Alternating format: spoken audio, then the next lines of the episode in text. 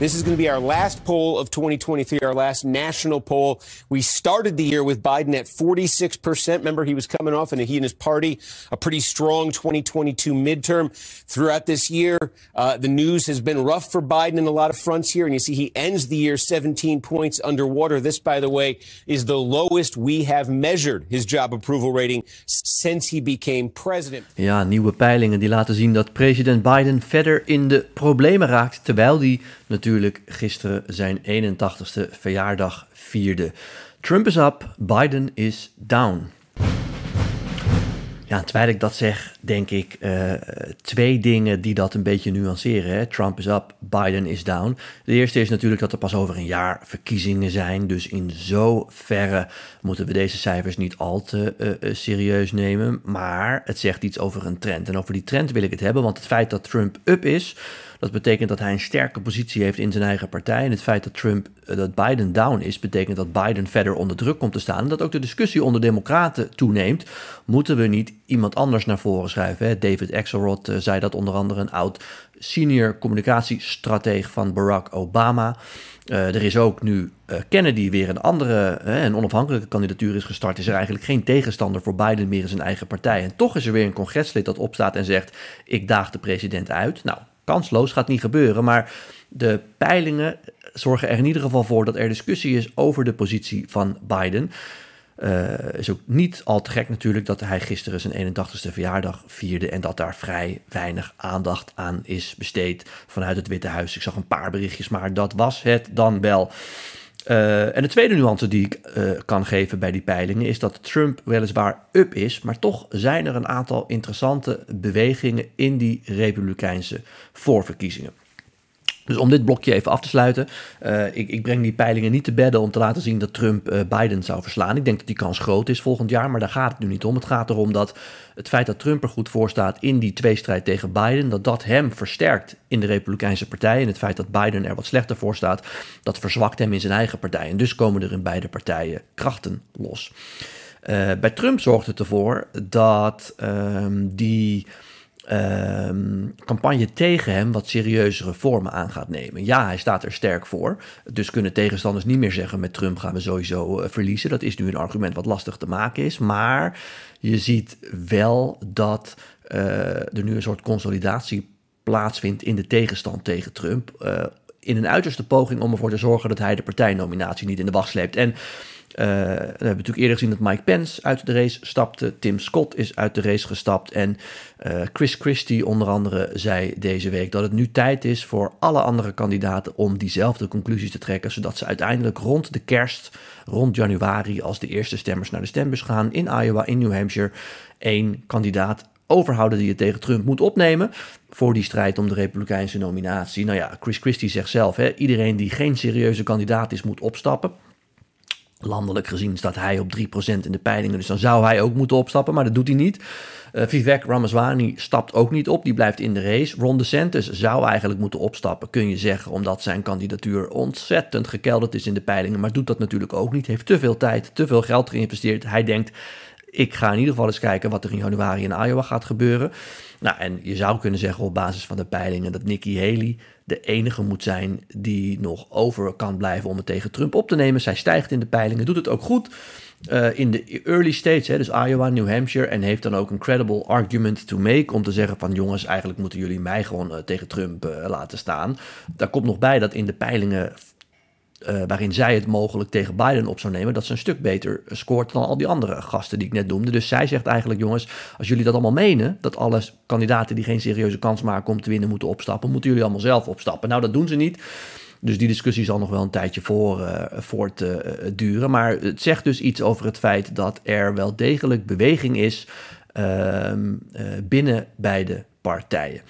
Uh, laatste peilingen dan bij de Republikeinen in Iowa, want daar gaat het om. Hè. Daar gaan ze in januari naar de stembus. Staat Trump op gemiddeld 47% steun.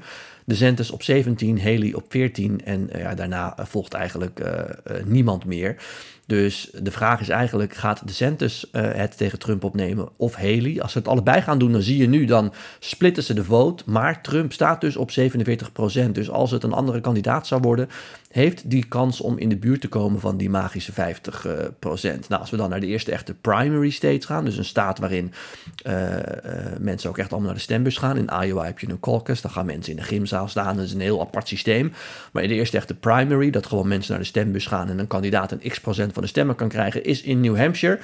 Ja, daar zien we dat Trump eenzelfde uh, getal uh, heeft in de peilingen, 46% Haley 20% Chris Christie 10% en DeSantis daar 7% Dus ja, het is natuurlijk erg lastig ook voor Ron DeSantis om dat te zeggen... ik stap wel uit die race als hij in Iowa nog voor staat op Nikki Haley. Maar als zij hem daar ook voorbij gaat... dan zou het zomaar kunnen zijn dat ook de druk op hem toeneemt... om uit die race te stappen.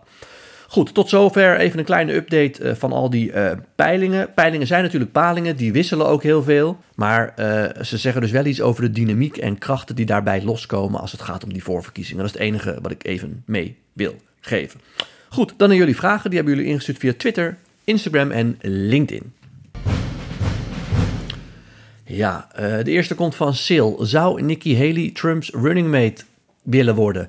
Um, zij is natuurlijk onder hem ooit uh, secretaris-generaal, uh, nee, trouwens niet secretaris-generaal, ambassadeur namens de Verenigde Staten bij uh, de Verenigde Naties geweest. Dus zij zou in theorie onder Trump kunnen dienen. De vraag is alleen, zij heeft nu best wel veel kritiek op hem gehad, of ze dat nog een keer zou willen doen. En dan in de vorm van vice-president. Ik denk eerlijk gezegd, zij is nog redelijk jong ook.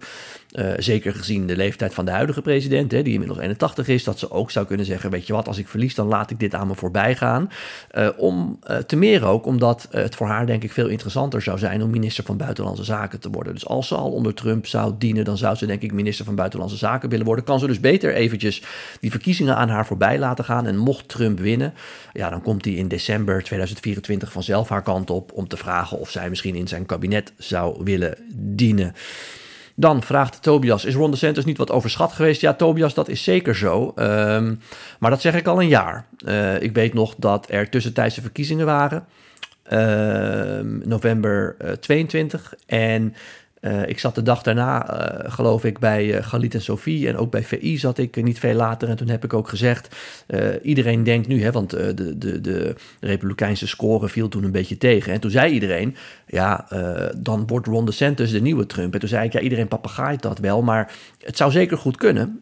en hij maakt zeker een goede kans en hij maakt eerlijk gezegd nog steeds een kans. We moeten hem niet helemaal wegcijferen. Alleen, het lastige van zijn kandidatuur is natuurlijk, hij zegt, ik ben eigenlijk een nieuwe Trump. En dat is denk ik ontzettend goed voor zijn carrière in de toekomst als Trump wegvalt. Maar als Trump er nog steeds is, ja, dan zijn mensen niet echt op zoek naar een Trump-lookalike. Ik heb eerder de vergelijking gemaakt met Bruce Springsteen. Ik zou het leuk vinden over een jaar of 40, 50 om een keer naar een Bruce Springsteen coverband te gaan. Maar ja, zolang Springsteen nog zelf leeft en optreedt, waarom zou je dat doen? Dus ik denk eerlijk gezegd dat zijn hele statuur van kijk eens, ik ben Trump, maar ik boek wel resultaten. Dat is een sterke kandidatuur, maar niet om het tegen Trump zelf op te nemen. Dat is een sterke kandidatuur als Trump mogelijk wegvalt. En dat is denk ik ook de strategie van Ron DeSantis geweest. Trump zou imploderen en dan is hij de last man standing. Maar Trump implodeert niet. En dan is het natuurlijk uh, lastig. Dan, Jacqueline, zijn de spindokters in de VS al aan het spinnen? En zo ja, waar merk je dat aan? Ja, dat zijn ze continu. Hè? De spindoktoren achter Nikki Haley die zeggen... Uh, kijk eens, uh, Ron DeSantis die stort in één. Uh, het is tijd om alle kandidaten naar huis te sturen... en om ervoor te zorgen dat zij als enige overblijft. nou, we hebben heel veel spindokters in de Democratische Partij... die zeggen van ah, al die peilingen waarin Trump Biden verslaat, die moet je niet serieus nemen, want het duurt nog een jaar en dan gaat er heel veel veranderen. Dus die proberen eigenlijk ervoor te zorgen dat dingen heel erg kalm blijven binnen de Democratische Partij. Dus zo wordt er vanaf alle kanten gespind. Vincent, hey Raymond, wat is jouw favoriete president? Wie is jouw favoriete president? Um, ja, zoals je weet, Vincent, eh, als je vaker luistert, ik kies nooit een kant. Maar ik kan natuurlijk wel iemand noemen die ik gewoon bewonder. En dat is Bill Clinton. Dat heeft twee redenen. Eén, ik groeide op als klein jongetje toen Bill Clinton president was. Daar heb ik toch een bepaald warm gevoel bij. Dat was eigenlijk mijn eerste kennismaking met de Verenigde Staten. Hè, dat ik hem heel vaak op het nieuws zag. Maar ik vind hem ook een mooi voorbeeld van een politicus met uh, zowel charisma als inhoud. Dus hij had natuurlijk enorm veel, heeft enorm veel charisma, kan schitterende speeches houden. Uh, I feel your pain, en dat kan hij ontzettend goed. En tegelijkertijd had hij ook een heel mooi verhaal in de begin jaren negentig. Hoe hij Amerika wilde klaarstomen naar het volgende millennium, hè, wilde moderniseren. En zoals hij het altijd zei, hoe hij die brug naar de 21ste eeuw wilde uh, bouwen. Dus ik vind hem altijd een bijzonder interessant en bewonderenswaardig uh, politicus. Dan een uh, vraag van Colin. welke Nederlandse verkiezingsgewoonten zouden ze in Amerika moeten overnemen? Nou, Colin, misschien mag ik hem omdraaien. Wij zouden een Amerikaanse verkiezingsgewoonte moeten overnemen, vind ik. En dat is early voting. Um, uh, ik vind het nog steeds van de zotte. Ik heb er ook een opiniestuk over geschreven in de Telegraaf uh, afgelopen weekend. Dat iedereen in Nederland op dezelfde dag naar de stembus moet. Dat vind ik uh, bizar en ook niet meer van deze tijd. Ook in heel veel andere landen, ik noemde in mijn column ook Noorwegen als voorbeeld. Kun je een maand van tevoren in willekeurige winkelcentra en dorpshuizen alvast je stem uitbrengen. Nou, dan krijg je een typisch Nederlands tegenargument, maar dat kost geld. Ja, dat kost inderdaad wat geld. Alleen, ik vind het gewoon een moderne service die je aan kiezers moet uh, geven dat ze eerder al kunnen stemmen. voordeel daarvan zijn twee dingen, denk ik. Nou, misschien wel drie. Eén is dat mensen uh, die zeker weten, echt de VVD-partijtijgers of zo, dat ze op de VVD gaan stemmen, die kunnen dat gewoon al weken van tevoren doen. En de zwevende kiezer, ja, die kan dan op het laatste moment stemmen. En zo lopen zij elkaar niet in de weg. Dat is één. Twee. Uh, ik ben iemand die veel thuis werkt uh, en enorme luxe heeft. En ik denk deze week als ik ga stemmen voor de Tweede Kamerverkiezing, ik ga even lekker de hond uitlaten. Dan loop ik even langs het gemeentehuis, ga ik lekker even in de rij staan, ik haal een bakje koffie en ik ga stemmen. Uh, maar als ik een alleenstaande vader zou zijn met drie kinderen en ook nog eens in het ziekenhuis moet werken later op de dag, dan heb ik daar misschien helemaal geen tijd voor om te stemmen. Dus ook die mensen zou je veel meer tijd en mogelijkheden moeten geven om te stemmen ja, het belangrijkste is misschien nog wel, of een van de belangrijkste is misschien nog wel, dat ik, ik ben een fel tegenstander van dat strategische stemmen. Dat, dat is gewoon niet hoe ons stelsel in elkaar hoort te zitten.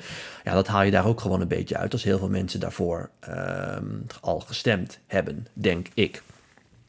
Goed. Um, dan nog een vraag van Quinten. Is het al zeker of RFK Jr. in alle staten op het stembiljet komt? Um, is nog niet zeker. Ik, uh, laatste berichten die ik gelezen heb, is dat hij daar nog wat formulieren voor moet invullen.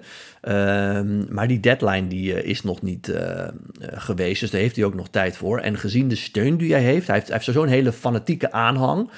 Uh, maar ook dus gezien de steun die hij, die heeft in de peilingen, rond de 15 tot 20 procent, dat is echt heel veel, gaat hem dat, dat echt wel lukken. Dus ik zou me daar uh, geen zorgen over maken. Dat komt echt wel goed. Goed, tot zover. Dan ben je weer een beetje bij wat betreft de laatste peilingen en andere zaken. Heb je nou zelf een vraag? Stuur die dan in. Dat kan via Twitter, Instagram en LinkedIn. En dan beantwoord ik die weer in een volgende podcast. Tot zover, tot dan.